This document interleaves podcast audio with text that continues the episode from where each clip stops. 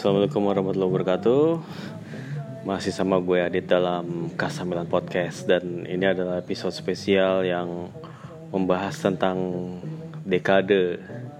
Dekade AC Milan. Ya kita sebentar lagi akan meninggalkan tahun 2019 Another decade uh, Will be history. And buat AC Milan juga sama. Kita akan meninggalkan tahun 2019 ini dengan perasaan yang bermacam-macam bercampur-campur ya. Tapi semoga aja theme song yang tadi gue putar itu I Will Survive ya itu bener-bener dimaknai ya Milan ya sebagai uh, semangat untuk setidaknya survive lah gitu. Ya survive. Survive di Serie A survive di Copa gitu ya. Survive dari kejatuhan yang semakin dalam gitu. Itu aja sih. Ya itu call the strength I had just not to fall apart. Ya artinya Milan memang harus mengeluarkan segala macam daya upaya hanya untuk tidak semakin terpuruk gitu. Kita belum belum lagi berbicara untuk apa belum lagi berbicara untuk kembali berjaya lah. Tidak terpuruk aja itu untuk untuk ukuran Milan sekarang itu nggak bagus gitu gue uh, apa ya kemarin-kemarin sih udah nulis gitu di ketika gue nulis di fandom ya tentang one million dollar question dari Milanisti kapan nih bangkitnya gitu. sampai ketika gue baca beberapa tulisan-tulisan lain soal Milan yang kayak seolah-olah bilang bahwa kita harus kayak ngebiasain diri gitu. Artinya sebagai Milanisti itu udah harus ngebiasain diri untuk um, merelakan klub ini jadi kayak bahan lelucon gitu. Karena emang emang apa yang terjadi di, di lapangan itu there are apa there all jokes gitu loh. Semuanya itu udah kayak lelucon. Klub ini di dijalankan seperti jokes seperti lelucon lah gitu nggak serius gitu artinya namanya juga lelucon ya. Walaupun kita tahu itu semua nggak benar nggak nggak mungkin lah ada petinggi klub manajemen klub yang ngejalanin sebuah klub profesional apalagi dengan sejarah besar itu seperti Milan ya. Itu dengan penuh lelucon nggak mungkin juga sih. Mereka pasti punya pemikiran gitu gue kan bahas sejenak aja sih tentang pertama tentang manajemen kedua tentang squad dan ketiga. Di segmen ketiga nanti ini gue akan bahas tentang yang ringan-ringan yaitu obrolan atau mention-mention yang udah masuk ke gue soal satu dekade AC Milan dan juga soal bagaimana sih udah berapa lama sih ngedukung Milan gitu dan awalnya kayak gimana gitu. Gue akan bacain beberapa gitu pertama gue mau ngomongin manajemen aja deh. Ya sekarang gini manajemen Milan di bawah Elliot ya Elliot Management Corporation yang dimiliki oleh Paul Singer diwakili oleh anaknya Gordon Singer yang mempunyai tangan kanan bernama Ivan Gazidis itu ingin nge-rebuild Milan. Tujuannya tujuan utamanya Elliot adalah uang yaitu dengan cara mereka kan udah ngebeli Milan nih. Mereka minjemin si Yong Hong Lee itu 300 juta euro. Lalu kemudian Elliot itu melakukan investment terhadap squad uh, rebuilding beberapa ratus juta euro lah gitu. Dengan harapan apa? Supaya mereka tuh cuan. Mereka untung pada saat uh, ngejual Milan kembali. Yang mereka pikirin adalah bagaimana meningkatkan value dari klub. Mereka nggak begitu peduli dengan adanya trofi atau prestasi. Yang mereka pikirin adalah gimana caranya supaya dapat untung. Ya bagus ya kan kalau di dunia sepak bola ya di industri lah gitu maksudnya. Untuk ngedapetin untung, ya sebuah klub itu harus berprestasi walaupun sekarang ukuran prestasi klub ini tuh jadi kayak agak kabur gitu dengan adanya industri sepak bola karena lolos ke Liga Champions aja itu udah prestasi ya. Bisa dibilang prestasi. Petinggi klub itu akan seneng akan happy. Karena apa? Karena lolos ke Liga Champions itu udah dapat uang banyak. Udah bisa nutup berbagai macam pengeluaran. Gitu maksudnya. Jadi kayaknya tuh udah banyak sih klub-klub yang menjadikan lolos ke Liga Champions itu sebagai parameter kesuksesan jadi bukan soal menangin Liga Champions itu udah kayak itu urusan nanti lah. Tapi kalau paling nggak lolos dulu terus bermain sebaik-baiknya di situ melaju sekencang-kencangnya sejauh mungkin sampai babak knockout itu pasti dalam setahun tuh bisa ngedapetin lebih dari 100 juta euro. Gitu. Yang mana untuk beberapa klub itu 100 di atas 100 juta euro itu uh, itu apa namanya equal dengan lebih dari sepertiga pendapatan mereka gitu. Yang mana ini kalau dinilai dari kacamata bisnis itu adalah sebuah kesuksesan. Lain lagi kalau kita berbicara kacamata prestasi olahraga ya. Kayak misalnya menangin trofi gitu. Atau paling nggak bermain cantik dan menghibur. Itu udah nggak dipikirin. Yang penting adalah gimana supaya bisa secara reguler lolos ke Liga Champions sehingga kemudian performa keuangan meningkat uh, exposure dari klub itu juga meningkat. Karena orang kan banyak nonton Liga Champions kan. Banyak orang yang nggak ngikutin Serie A tapi ngikutin Liga Champions gitu. Artinya uh, kalau klub-klub Serie A yang lolos ke Liga Champions apalagi hingga babak knockout itulah yang akan di banyak mendapatkan attention dari uh, supporter-supporter dari seluruh dunia gitu. Dan ketika klub lu itu lolos ke Liga Champions dengan sering sesering mungkin, maka namanya akan makin dikenal dan brand awarenessnya makin tinggi dan kemudian yaitu imbasnya kan macam-macam efek dominonya atau efek bola saljunya itu udah macam-macam gitu. Itu dari kacamata bisnis. Dan Elliot itu menunjuk Ivan Gazidis yang emang punya experience untuk mengelola squad yang muda. Artinya menurut Ivan Gazidis gini ya, menurut Gazidis cara yang paling tepat untuk segera um, menstabilkan keuangan adalah dengan membeli pemain muda yang nilai transfernya tidak terlalu mahal, harganya har, apa namanya usianya masih muda masih bisa dididik, masih bisa dibentuk supaya jadi pemain world class sehingga pada saat dijual dalam waktu 3 atau 4 musim itu harganya bisa naik 2 3 kali lipat. Harapannya begitu. Dan dari situlah tim-timnya Gazidis itu maksudnya ya Milannya Gazidis itu bercermin gitu. Dan terus ter, apa dia dengan terus terang juga uh, menyebut Atalanta nih sebagai modelnya dia. Ironisnya Atalanta yang ngebantai Milan kemarin ya, bayangin aja. Gazidis sangat mengagumi Atalanta, tapi kemudian Atalanta yang mempermalukan mereka. Makin kagum aja lah Gazidis gitu. Oh bener kan gue nyontoh Atalanta gitu, buktinya kita dibantai. gitu. Bisa jadi. Nah, Gazidis itu ingin Milan beli pemain-pemain muda yang gajinya juga udah dibatesin paling gede sekitar 4 juta euro rata-rata dan dia akan membeli memberikan satu dua pemain yang gajinya di atas rata-rata. Dalam hal ini dona rumah dikasih segitu ya. Dan nantinya juga kemungkinan Ibra dia akan juga rela memberikan meluangkan cap itu demi seorang Ibra Zlatan Ibrahimovic gitu pada akhirnya ya ketika akhirnya Gazidis memberikan lampu hijau untuk mendatangkan seorang Ibrahimovic atau gelandang-gelandang yang berusia senior lain gitu itu itu pun karena dia akhirnya ngalah dengan Maldini dan Boban terutama Boban sih. Boban yang paling kencang bilang kalau klub ini rebuilding gak bisa nunggu 10 tahun gitu.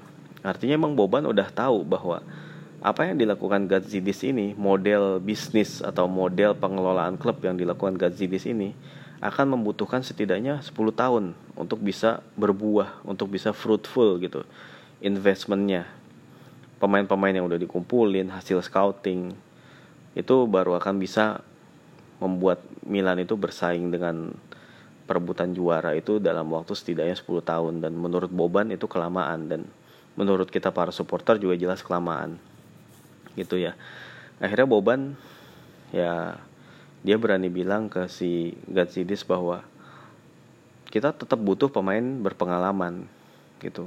You cannot win anything with kids. Itu mungkin udah ungkapan yang terkenal lah ya bahwa lu nggak bisa memenangkan kejuaraan dengan mengandalkan anak-anak muda pemain-pemain muda pemain-pemain muda ini bukannya tanpa talenta. Jelas penuh talenta tapi mereka tetap butuh dibimbing oleh pemain-pemain senior. Pemain-pemain senior yang pertama mereka itu udah ngerti taktik. Ngerti banget gitu.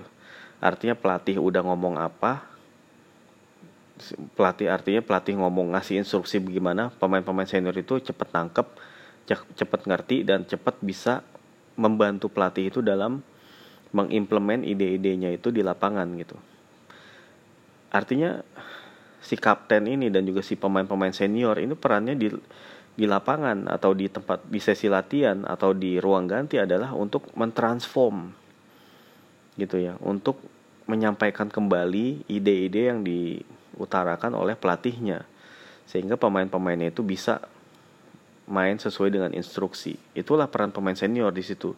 Dan selain itu pemain senior juga sangat dibutuhin dalam hal leadership. Leadership ini udah bukan menyangkut taktik lagi ya, tapi ini udah menyangkut mentalitas ya. Bagaimana kita menghadapi intimidasi lawan ya. Dan seorang kapten gak selalu seorang leader gitu. Jadinya gue nggak bilang Romagnoli ini Romagnoli ini memang kapten ya Alessio Romagnoli itu kapten Milan secara struktur gitu tapi the real leadernya gue rasa sih pemain kayak Bonaventura gitu yang jadi leadernya di di ruang ganti lah yang bisa nyemangatin yang bisa negor teman-temannya kalau salah Romagnoli itu kayaknya tipe yang lebih silent lebih silent leader atau pendiam lah gitu sementara untuk leading benerannya itu butuh yang orang yang bisa lebih berapi-api. Mungkin ingat Piala Dunia 94 eh 94 kejauhan. 2014 maksud gue. Waktu timnas Argentina itu kaptennya kan Messi ya. Tapi yang benar-benar ngasih semangat, ngasih dorongan atau ngasih uh, ngelecut ngelecut mental anak-anak uh, Argentina itu si Javier Mascherano. Kita lihat waktu Argentina ngadepin perpanjangan waktu lawan siapalah gue lupa mereka tuh bikin lingkaran dengan Mascherano itu jadi kayak juru bicaranya dan ngomong bener-bener di depan teman-temannya Messi itu diam aja. Messi itu kapten karena emang dia punya kemampuan teknis yang tiada banding gitu. Tapi kalau soal leadership ini beda. Yang namanya seorang leader itu punya gesture punya karakter punya tone suara punya cara berbicara yang emang seperti halnya leader. Itu tuh nggak bisa di itu tuh leadership ya. Leadership itu itu nggak bisa dipelajari gitu. Banyak yang bilang gitu either you have it or you don't gitu kalau lu nggak punya leadership ya berarti uh, lu harus serahin orang lain ke orang lain gitu nah di Milan pun juga butuh sosok leader nih yang bisa marahin teman-temannya yang bisa uh, ngebangkitin lagi mental pemain teman-temannya ketika terpuruk gitu. Seperti halnya yang dilakuin oleh si ini deh. Siapa si uh, Charles Puyol terhadap Gerard Pique ataupun Billy Costa Curta terhadap Sandro Nesta waktu itu. Ataupun dan seterus, seterusnya Nesta kepada Thiago Silva. Gitu. Dan seterusnya. Gitu. Itulah yang dilakukan seorang leader. Kalau menurut gue gitu sih ya. Dan squad ini butuh leader dalam bentuk pemain-pemain yang yang lebih apa ya lebih berpengalaman. Gitu. Dan experience players inilah yang dibutuhin dan akhirnya si Gazidis sih ya mengapprove dan sampai saat ini berita tentang balik lagi si Zlatan itu kayak udah apa udah santer banget ya. Ya itu udah bener-bener udah banyak kode-kode atau kabar-kabar yang datang dari wartawan-wartawan jurnalis-jurnalis yang emang biasanya memberitakan transfer. Itu Ibra udah nyaris ibaratnya tinggal nunggu official statement official announcement tentang jadinya bergabung itu tentang tinggal tanda tangan kontrak aja. Gitu. Ya anyway gitu sih kalau manajemen ya. Sekarang begitu adanya dan ya udah kalau emang Gazidisnya begitu artinya kan Milan harus lebih banyak bersabar gitu karena yang dipentingkan adalah stabilitas dulu stabilitas finansial baru kemudian kita berbicara hal-hal yang lain. Dan itu menurut gue tuh nggak nggak salah juga gitu loh. Bukan hal yang salah. Hanya aja ya kita juga perlu perlu untuk belajar eh belajar bersabar gitu. Bagaimana dengan kalau kita ngebangun tim ini dengan lebih cepat dengan ngebeli lebih banyak lagi pemain senior seperti halnya yang Boban lakukan ya ini pun juga nggak ngejamin bahwa tim akan bangkit lebih cepat gitu. Nggak nggak selalu nggak selalu begitu. Banyak faktor lah gitu. Banyak banget faktor. Dan kita sebagai pendukung ya lagi-lagi hanya hanya bisa bersabar kalau menurut gue. Gitu. Itulah uh, soal manajemen ya. Lalu kemudian ngelihat karakteristik dari squad squad yang sekarang. Nah squad yang sekarang itu squadnya Milan itu adalah tipe squad yang atau tipe kumpulan pemain yang uh, possession ball possession base gitu. Artinya tim ini emang uh, cara bermainnya emang dengan ball possession gitu. Tapi kalau soal bagaimana dari ball possession itu menciptakan threat atau ancaman itu itu yang belum nyampe gitu jadi banyak banget ball possession yang Milan tuh unggul ball possession tapi kemudian ketika di final third ketika ketemu lawan yang menunggu gitu mainnya nunggu itu kesulitan ngebongkar karena emang pemain-pemain yang dimiliki Milan ini jarang yang kreatif, jarang yang bisa ngumpan, jarang yang bisa ngedribble dengan baik gitu supaya bisa nerobos barikade pertahanan itu gitu. Jarang, udah jarang yang skillful, jarang yang kreatif pemain-pemain Milan. Dan akhirnya lawan-lawan yang dihadapin Milan ya begitu, tunggu aja, tumpuk aja pemain di belakang. Seperti halnya yang dilakukan oleh si Sassuolo misalnya. Gitu terus akhirnya ngandelin serangan balik nah ketika Milan ketemu kan tadi seperti yang gue bilang Milan itu kan uh, mengandalkan ball possession tapi lucunya nggak punya banyak pemain kreatif dan nggak punya banyak pemain yang skillful. Artinya ketika mereka ketemu tim yang sebaliknya punya banyak pemain kreatif dan punya banyak pemain skillful yang umumnya itu adalah tim-tim papan atas ya yang apa namanya kualitasnya uh, di atas Milan di situlah Milan akan kalah gitu. Mil Milan itu tim yang possession base yang nggak bisa untuk uh, diminta atau bukan nggak bisa sih. Sulit untuk diminta main un bermain untuk menunggu sitting back ataupun yang kayak quick counter atau serangan balik cepat gitu. Nggak bisa. Ketika Milan mencoba melakukan itu kepada Atalanta ya dengan banyak menunggu gitu tapi kemudian serangan balik itu pemain-pemain Milan tuh begitu begitu banyak yang kagok gitu. Akhirnya yang ada long ball long ball gitu ya pada akhirnya ya gitu. Kalau ketika ketemu tim-tim yang lebih kuat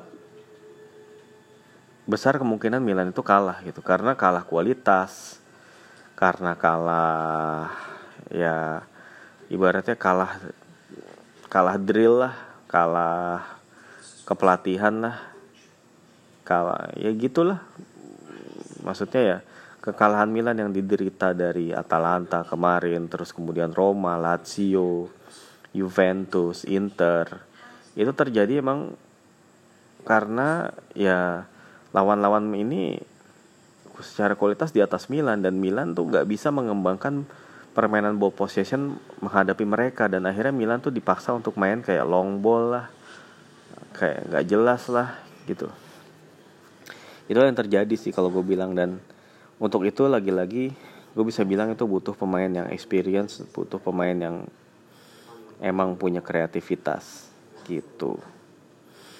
Ya itu soal squad ya. Dan terakhir nih yang ditunggu-tunggu uh, gue akan coba untuk ngebacain uh, mention yang datang ke gue soal Milan ya. Soal satu dekade Milan. Baik ngomongin Milannya ataupun ngomongin bagaimana lu menjadi pendukung Milan atau menjadi Milanista. Kalau tunggal itu Milanista jamak itu uh, Milanisti gitu. Nah sekarang oke okay, gue akan bacain dulu ya beberapa hal. Kan gue nanya nih ceritanya ada nggak di sini yang jadi pendukung Milan lebih dari 20 tahun? Oh ternyata ada beberapa. Ada yang bahkan uh, udah ngedukung dari tahun 88 pada saat dia kelas 3 SD wah ini mas yang satu ini nih udah sepuh banget nih. Kalau di dunia perjersian kalau mungkin lo suka jadi kolektor jersey ya itu akan dipanggilnya sepuh nih. Puh puh gitu kan. Uh, artinya yang koleksinya udah banyak itu udah kolektor yang udah kelas berat lah gitu. Nah ini mas ini juga kayak kelihatannya emang udah bener-bener makan asam garam lah jadi pendukung Milan gitu ya. Selamat ya mas gitu. Lalu kemudian ada juga yang sama kayak gue. Dukung Milan itu udah 25 tahun.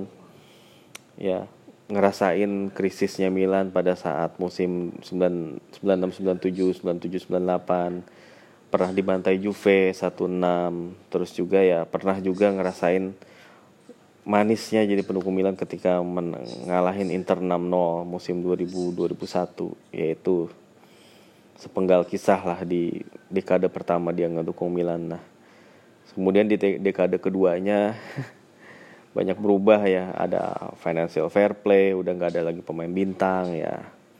Dan juga ya nggak tahu kapan lagi bangkitnya gitu terus ada cerita-cerita ya. Itu cerita lagi nih.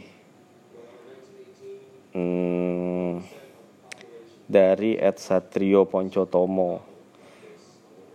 Jadi gue jadi karbitan. Ini gue mencoba membahasakan dengan bahasa gue sendiri ya. Gue nggak literally ngikutin apa yang ditulis gitu.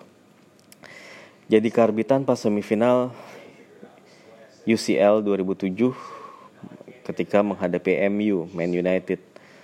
Itu nonton barangnya sama kakak yang merupakan fans MU tapi kemudian baru ngikutin matchnya itu tahun 2012 dari situ banyak momen tuh dari gol hantunya Sule Muntari, uh, Jeremy Menes, legend pada pamit, uh, Thiago Silva dan Ibra dan dan lain-lain. Dan belakangan ini lagi apa sih ya emang.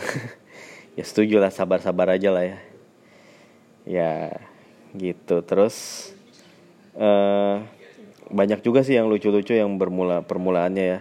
Ada yang bilang bahwa kenalnya dari kecil waktu belum tahu bola tahun 2008 gara-gara gantungan kunci Milan dikasih sama Om. Jadi sampai sekarang tetap dukung Milan walaupun kadang bikin gak enak hati.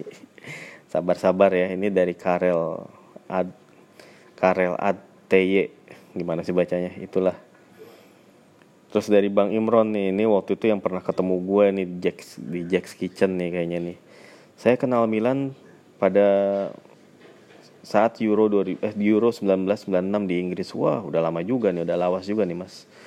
Ya, itu pada saat itu mendukung dia mengidolakan Oliver Bierhoff dan akhirnya Oliver Bierhoff gabung sama Milan dan nyumbang Scudetto ya. Ya. Dulu suka marah kalau Milan kalah, sekarang sih udah bisa nerima. Ya iyalah Mas ya, malu lah ya marah-marah gitu udah apa namanya ya udah terlalu tua lah untuk kayak gitu kita ya. Ya nyantai santai aja jadinya. Lalu kemudian ada mas siapa lagi nih? Uh, Reza Trianan, Trinanda. Kenal Milan pada saat zaman kecil pertama kali dibeliin orang tua jersey nomor 20 Bierhoff sponsor masih Opal yaitu tahun-tahun musim 98-99 lah tuh ya. Lumayan lama juga lah udah hampir 20 tahun ya. Dua dekade. Yaitu ini ada lagi nih. Dari Rafif Rizku. At Rafif Rizku. Momen berharga itu pasti juara UCL 2007 yaitu pertama kali nonton di apa nobar ya di lapangan bad di lapangan badminton uh, di RT gitu. Seru banget lah pastinya ya terus sekarang lagi pahit-pahitnya jadi Milanisti. Ya nikmatin aja ya. Ya pastilah. Lalu kemudian ada ada lagi masih dari Rafif. Dibeliin jersey pertama itu Milan Third 2003 nameset Inzaghi. Wah mantap. Ya. Oke oke. Gua aja lupa jersey pertama gua apa. Terus kemudian jadi uh, apa ya? Banyak sih yang lucu-lucu nih. Jadi Milanista tadi kalau nggak salah ada yang gue baca ada yang jadi Milanisti eh Milanista itu gara-gara pas beli dia mau beli poster ya. Di tukang posternya itu ada posternya Totti ada Serginho. Tukang posternya itu bilang tadinya dia mau beli Totti. Eh tapi tukang posternya tuh bilang jangan beli yang Totti ini karena kalahan klubnya. Ini beli yang Serginho yang menangan akhirnya jadi pendukung Milan dan mungkin merasa dibohongi kali ya abis itu ya. Nggak tahu lah ya. Ya adalah masa-masanya klub menang dan kalah gitu ya. Ada yang wah ini aneh kelahiran 97 wah masih muda juga masih 22 tahun ya. Dukung Milan tahun 2004 oh, lumayan pas kelas 2 SD gitu udah biasa dicengin yang penting istiqomah. Ya gitulah ya. Terus ya itu tadi yang soal poster itu dari Ed Agung Juwana itu ceritanya lucu juga tuh terus dari Miswar Ferinanda Forza Miswar ini kayaknya lumayan sering nih untuk nanya-nanya nih. Udah 20 21 tahun jadi Milanista karena dibeliin baju bola pakai nama Bierhoff gitu. Terus tapi kemudian ngefansnya sama Inzaghi loh, dibeliin baju Bierhoff ngefansnya sama Inzaghi. Ya, terus kemudian ya nyeritain pengalamannya lah UCL lah final-final UCL dan yang paling berkesan adalah ketika Milan um, memutuskan untuk membeli Alessandro Matri ketimbang Carlos Tevez. Ya itu emang ya, itu adalah blunder of the decade sih kalau gue bilang. Blunder terbesar dekade ini. Gitu. Padahal kalau waktu itu beli Tevez mungkin hasilnya bisa lebih jauh lebih baik sih gue bilang dan Juve juga nggak akan semudah itu juara gitu. Karena waktu itu ternyata kan Juve benar-benar dapat keuntungan dengan ngebeli Tevez. Terus ada lagi pertama kali suka waktu final 2003 ya kayaknya banyak nih ya final 2003 ini yang bikin orang-orang jadi suka Milan nih kayaknya nih. Emang tahun-tahun itu emang Milan lagi bagus-bagusnya nih zamannya. Meravigliosa dari uh, Ancelotti atau mereka yang mengagumkan. Merah ada yang Meravigliosa, Meravigliosi itu kalau jamak ya, Il Meravigliosi. Itu nah akhirnya mungkin ada banyak yang namain anaknya tuh pakai Meravigliosa atau Meravigliosi lah itu. Karena emang mulai benar-benar ngefans sama Milan pada era-era itu. Gitu. Uh, tahun 2003 sama juga. Ya itu rata-rata pas lagi final ada juga nih mulai suka Milan ketika Scudetto 9899 ya. Itu momen terbaik karena Milan saat itu nggak ter nggak diprediksi juara gitu. Iya sih benar. Tapi ada juga nih yang dari Chivas atau Ed Epimos. Suka Milan tuh dari zaman Ibra 2000 waktu Ibra pertama datang ya berarti 2010 lah ya. Ya cuman emang dia terus dia bilang gini mungkin cuma saya yang ngefan sama klub ini di era yang lebih banyak ambiarnya. Ya tapi tetap setia wah ya salut salut gue itu. Gue aja nggak kayak gitu gitu. Ya terus habis itu ada juga yang tahun 1997 gitu. Ada juga yang dari tahun 98 1988 itu yang tadi gue bilang. Gitu. terus ada yang tahun 2000 apa ya 2010 2011 pas uh, Ibra sama Marvan Bommel join. Eh itu mah bukan ya. Ini lebih karena ini dari dari Bang Alif Maldini nih Mas Alif Maldini. Itu kayaknya kita udah sering ya saling-saling mention di Twitter ya, cuman emang belum pernah ketemu aja. Mas Alif ini bilang kesannya dia tentang satu dekade Milan itu uh, yang paling berkesan adalah ketika Ibra dan Mark van Bommel itu bergabung. lalu kemudian juga girang pas tahun 2014 Torres Torres bergabung walaupun kemudian ya Zong ya. Ya oke okay, itu siapa lagi ya? Ada juga yang tahun 94 ya sama kayak gua nih Ed Pasha Arkan nih tahun 94 mulai suka Milan pas 1994 pas Piala Dunia 2000 eh 1994 yang eranya dilatih Itali dilatih oleh Arrigo Sacchi terus ada juga tahun 2005 ya justru pas kalah sama Liverpool eh, tahun 2005 ya banyak sih. Ada yang ada juga yang ngomong nih dari Ed Edi Rayakan ini juga ser, lumayan sering mention. Makasih mas udah sering dengerin kalau diceritain sih udah 21 tahun jadi Milanista kalau diceritain banyak perbedaan. Di antaranya regenerasi pemain bintang yang macet dan majunya taktik sepak bola yang di mana Milan sendiri seperti ketinggalan. Lalu kemudian dari Ed Gori 95 gue suka Milan dari zaman era Don Carlo yang ngebawa Milan meraih UCL ke-6 tahun 2003 tuh UCL ke-6 ya kemudian ya formasi pohon Natal ala Don Carlo saat itu sangat asik untuk dinikmati. Tapi kayaknya pakai pohon Natal itu tahun 2007 deh mas ya. Ya 2003 itu masih 4312 2007 itu udah pakai yang baru pakai yang pohon Natal pas uh, Sheva pindah kan. Habis itu kakak didorong agak ke depan. Uh, eh sorry Sedorf yang didorong agak ke depan nemenin kakak dan kakak Newport si Inzaghi atau Gilardino lalu ada Mas Rohmatus Rizky at Rizky Yunat Yunanta uh, ini sih ngomongin tentang satu dekade Milan sih ya yang paling berkesan dalam satu dekade ini menurut dia adalah Scudetto 2011 ya. Setelah itu akhir musim 2012 legend pada pensiun dan hengkang. Terus baca koran kalau saat itu Milan sedang berada dalam diambang krisis keuangan walaupun pada saat itu nggak percaya dengan berita-berita itu gitu. eh nggak taunya musim selanjutnya kejadian yang terbukti ngedatengin pemain-pemain gratisan murah dan termasuk foto legendnya Acerbi Kostan, uh, Kevin Konstan dan Bakaya Traore gitu. Dan nggak percaya juga kalau periode banter era ini masih berlangsung sampai sekarang. Ya. Oh ya, aneh Milanista sejak juara UCL 2003. Nah. Ya. Uh, sorry, begitulah yang uh, semoga semuanya udah gue bacain ya. Sorry ya kalau ada yang kelewat. Gitu. Itu kesan-kesan yang menarik tentang jadi bagaimana jadi Milanista. Ya kalau gue sendiri mungkin udah pada tahu ya. Sebelumnya gue tuh hampir jadi pendukung Juve atau Juventino. Tapi karena satu dan lain hal ya tentunya terutama karena Roberto Baggio waktu itu dicadangin dan diganti oleh Alex Del Piero. Yang mana waktu itu Roberto Baggio idola gue. Itu akhirnya dan akhirnya gue di lain sisi gue ngeliat Milan uh, mainnya bagus di Liga Champions musim 94-95 ya akhirnya gue memutuskan untuk jadi pendukung Milan pada saat itu.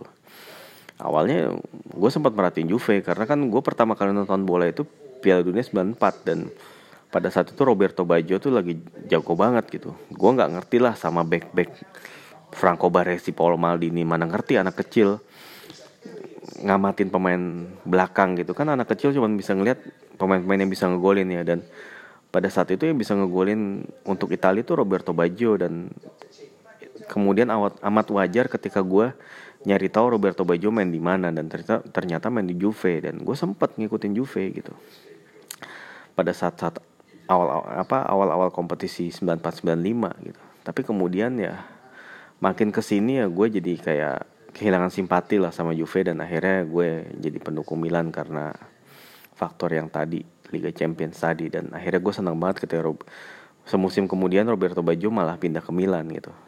Jadi makin mantep lah gitu. Ya itu story gue. Dan selain suka Milan gue juga waktu itu sempat suka sama Manchester United ya tahun-tahun itu. Waktu itu zaman pemain-pemainnya masih belum ada David Beckham tuh generasi sebelumnya itu.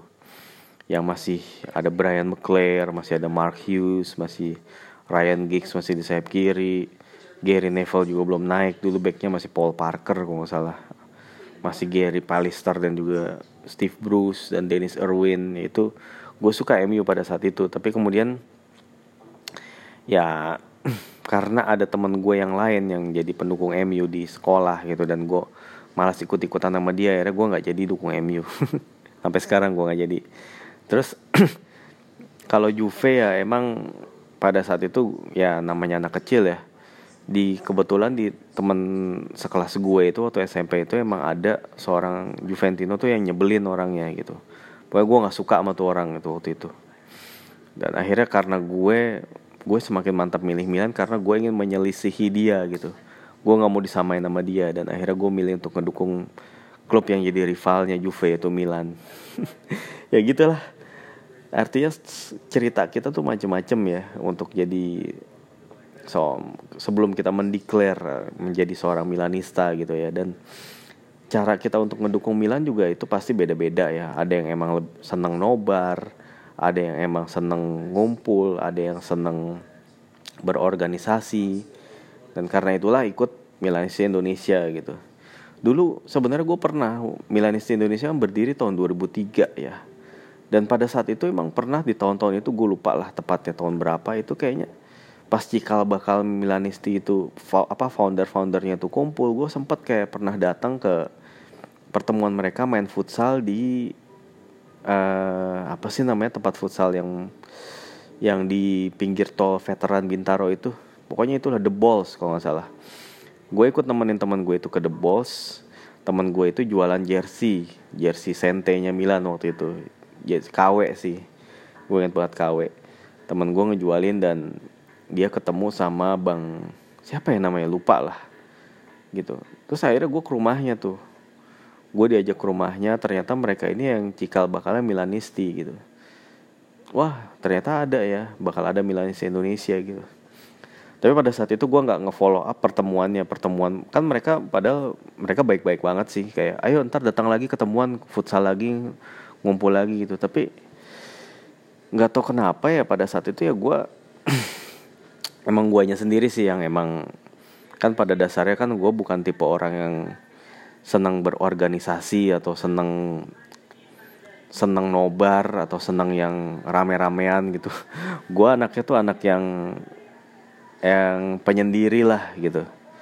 Yang artinya gue nggak suka yang bareng-barengan rame-ramean. Gue tuh kalau nonton bola lebih suka di rumah nonton TV di rumah sendirian gitu. Atau di atau sekalian di stadion ya ya berhubung di uh, Milan Milan nggak main di stadion deket sini ya otomatis gue nonton di TV aja gitu.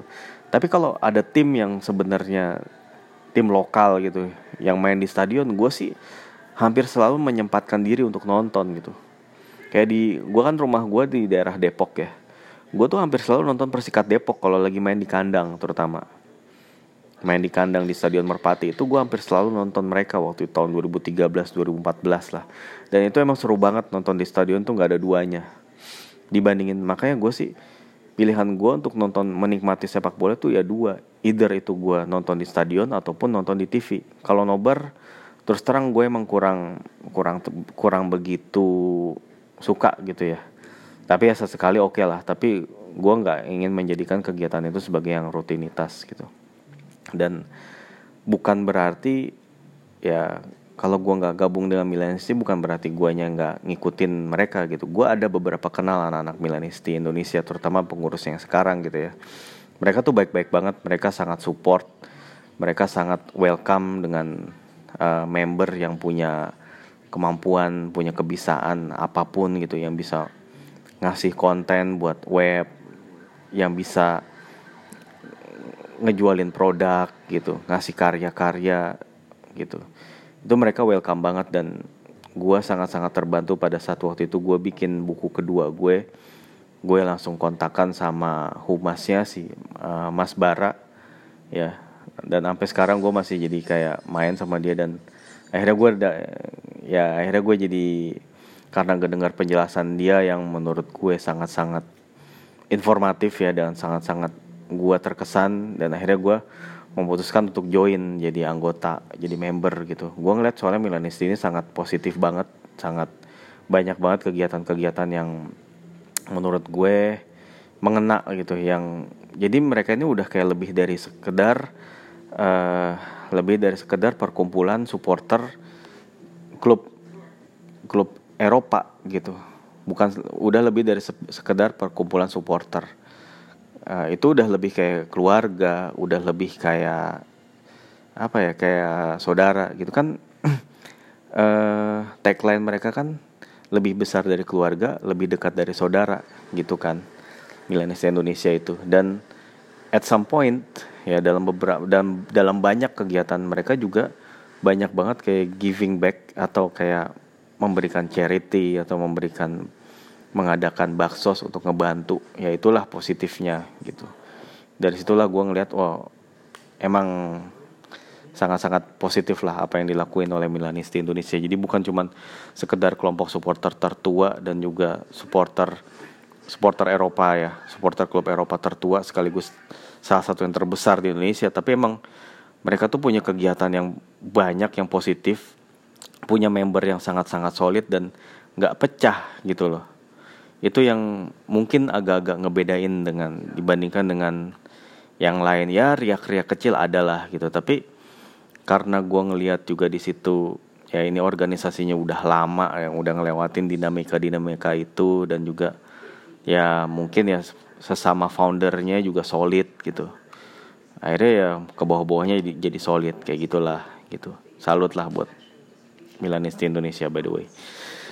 Ya uh, selanjutnya sedikit ngomongin tentang Ibra sih ya. Comebacknya Ibra. Gue se sebenarnya sempat ngebahas ini di video videonya Mas Manur ya di at Info Milan TV eh, nah at akun twitternya at info milan uh, channel youtube-nya info milan tv bisa dicek. Ada gue ngomongin soal ibra di situ dan berhubung ibranya ini juga hampir datang ya gue ingin bahas sedikit aja bahwa uh, kita harus ingat bahwa ibra yang sekarang datang itu bukan ibra yang datang ke Milan ibra yang sama 10 tahun yang lalu. Ya sehebat apa pun Ibra ya Ibra emang kita lihat masih hebat masih bugar masih fit masih rajin latihan dan dia masih kayak punya rasa lapar gitu. Punya continuity yang sangat-sangat tinggi gitu artinya ketika banyak pemain bola yang udah bener-bener kayak nggak bisa lagi main nggak bisa nemuin semangat bermain ataupun secara fisik udah nggak mampu lagi bermain di level level tertinggi pada saat usianya udah kayak 34 35 ke atas. Tapi ini Ibra nih di usia 38 tuh dia masih mau comeback ke the highest level. Setelah dua musim jadi bintang di MLS atau Major League Soccer bersama LA Galaxy. Uh, dia kan udah nyaman banget di situ ya. Udah udah kayak dewa lah di situ. Tapi dia berani untuk menerima tantangan kembali ke klub yang pernah diperkuatnya ya yang tengah mengalami masa-masa sulit gitu dan gua rasa sih Ibra itu lama ngambil keputusan tuh lebih karena ya selain faktor uang ya ada juga faktor kayak semacam menyamakan ekspektasi dengan manajemen dulu gitu. Jadi kayaknya Ibra itu agak keberatan kalau target dia adalah ngebawa Milan ke Liga Champions musim depan ya. Karena udah nggak realistis lagi. Poin Milan udah terlalu jauh dengan empat besar gitu. Akhirnya mungkin uh, manajemen Milan itu sekarang lower their expectation terhadap Ibra dan akhirnya memilih untuk menjadikan Ibra ini sebagai kayak kayak focal point aja gitu. Pusat serangan kayak leader di kamar ganti leader di lapangan gitu lebih ke situ tapi gue yakin mereka juga nggak expect Ibra untuk kayak mencetak gol dalam setiap satu pertandingan atau setiap dua pertandingan gitu kayaknya gue rasa nggak ada parameter statistik yang dibebanin ke Ibra. Yang dia Milan butuhkan itu adalah presence-nya Ibra di lapangan dan di locker room gitu. Untuk bener-bener kayak mengubah mentality dari pemain-pemain Milan sekaligus secara teknik, secara teknis lapangan ya memperbaiki ketajaman pemain-pemain Milan gitu. Dan juga memperbaiki uh, mentalitas pemain-pemain Milan yang kayaknya itu uh, mereka tidak membenci kekalahan gitu kayaknya. Kalah ya udah kayak biasa gitu. Kayak beredar foto apa video Calabria sama Leo yang pesta abis kalah 5-0 ya ya itu sih gue juga nggak mau komentar lebih jauh sih. Tapi gue nggak yakin kalau di eranya kalau Ibra datang pemain-pemain itu akan kayak berani terang-terangan kayak gitu. Kalau nggak digebok sama si Ibra gitu ya. Itu itu sih menurut gue. Dan yang lebih penting lagi dari sekedar kedatangan Ibra adalah bagaimana ngedatengin apa atau nge-create teman-temannya gitu. Teman-teman yang ngedukung Ibra. Pada saat Ibra 10 tahun lalu datang ke Milan, itu Milan ngedatengin Robinho dan juga Antonio Cassano. Dan waktu itu juga masih ada Ronaldinho dan waktu itu masih ada Andrea Pirlo. Gitu, masih ada Gattuso juga di situ. Artinya skuad Milan itu pada saat itu juga bagus gitu. Backnya masih ada Thiago Silva dan Nesta gitu.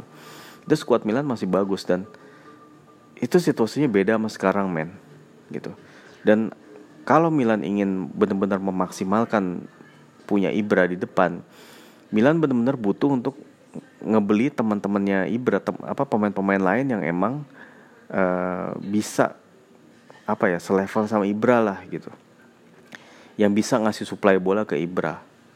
Ibra nggak bisa lagi kayak dicoba untuk suruh ngambil suruh nyebut bola suruh ngedribble suruh ngasih asis atau suruh nge-shoot dari jauh. Itu kita nggak bisa ngejadiin Ibra kayak gitu lagi. Gitu. Sehebat apa pun dia gitu ya. Umur itu tetap nggak bisa bohong. Gitu loh itulah sih set, uh, jadi gue harapin Milan juga kayak ngedatengin pemain pemain-pemain lain lah yang punya level kemampuan gak jauh dari Ibra.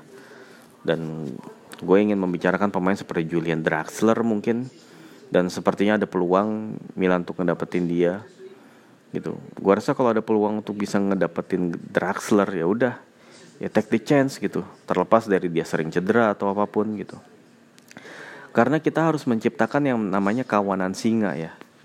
Ya itu ngerujuk sama Ibra sendiri Ibra sendiri kan sering mengasosiasikan dirinya dengan binatang singa si raja hutan gitu ya. Ya singa sendiri itu udah serem tapi lebih menyeramkan lagi kawanan singa yang terdiri dari 5 atau 6 singa gitu. Ya ketika mereka itu bisa ngalahin atau bisa memangsa uh, si kebo atau banteng yang ukurannya lima kali lebih bers lebih besar daripada dia gitu. Akhirnya dengan kawanan dia bisa ngeroyok dan bisa dan akhirnya bisa menggulingkan si kebo itu. Tapi kalau cuma sendiri ya mana bisa? Ibra sekalipun dia itu singa tapi kalau sendirian itu akan sulit gitu. Itulah yang menurut gue sih. Jadinya ya uh, Ibra datang itu menurut gue tetap itu sangat disyukuri tapi Ibra butuh teman-teman yang lain. Butuh pemain-pemain yang bisa nyuplai dia yang bisa ngasih dia ruang gitu. Dan itulah yang gak dipunyai Milan belakangan ini. Dan gue harap datangnya Ibra tuh kayak bisa melecut manajemen untuk ini kita udah punya Ibra nih. Kita harus beliin lagi siapa gitu. Itu sih yang gue harap ya. Nah. Uh, apa lagi ya paling sih ya kurang lebih itu aja kali ya yang mau gue sampein ya. Kayaknya semua pertanyaan udah hampir semua ya pertanyaan udah gue jawab. Ya terus apa ya soal ah, masih ada juga sih sebenarnya nanya-nanya soal FFP gitu. Tapi it seems kayaknya gue udah ter, udah sering deh ngejelasin soal FFP mohon minta tolong untuk di dicek di podcast gue yang sebelumnya ya podcast podcast sebelumnya itu ada bah ada gitu ngebahas FFP gitu. Tapi ya nanti lain kalau emang masih penasaran atau masih belum jelas ya bisalah ditanya gue sekali gitu. Sekali lagi ditanya ke gue gitu kali aja gue lupa lupa gitu. Uh, ya udah kurang lebihnya mohon maaf dan it's been a great year for untuk Kasamilan podcast. Kasamilan podcast itu baru gue mulai bener-bener Kasamilan podcast itu pas setelah pertandingan lawan Udinese gue nge-review pertandingan lawan Udinese dan sampai sekarang itu ternyata udah ada 80-an lebih episode dan setengahnya itu adalah Kasamilan Podcast. Sebelumnya gue pakai nama The Classic Number 10 untuk mencoba ngebahas sepak bola secara umum gitu. Tapi pada saat musim Serie A itu mulai, gue kayak memutuskan udah gue fokus aja ngebahas Milan gitu. Walaupun di bahasan Milan itu gue juga akan mencampur dengan bahasan-bahasan tentang dunia sepak bola yang lainnya karena pada dasarnya gue gue adalah penggemar sepak bola bukan gue nggak berhenti sebagai penggemar Milan tapi gue pendengar eh pendengar penggemar sepak bola. Dan gue berusaha untuk merhatiin banyak banget aspek di dunia sepak bola dan banyak banget liga gitu.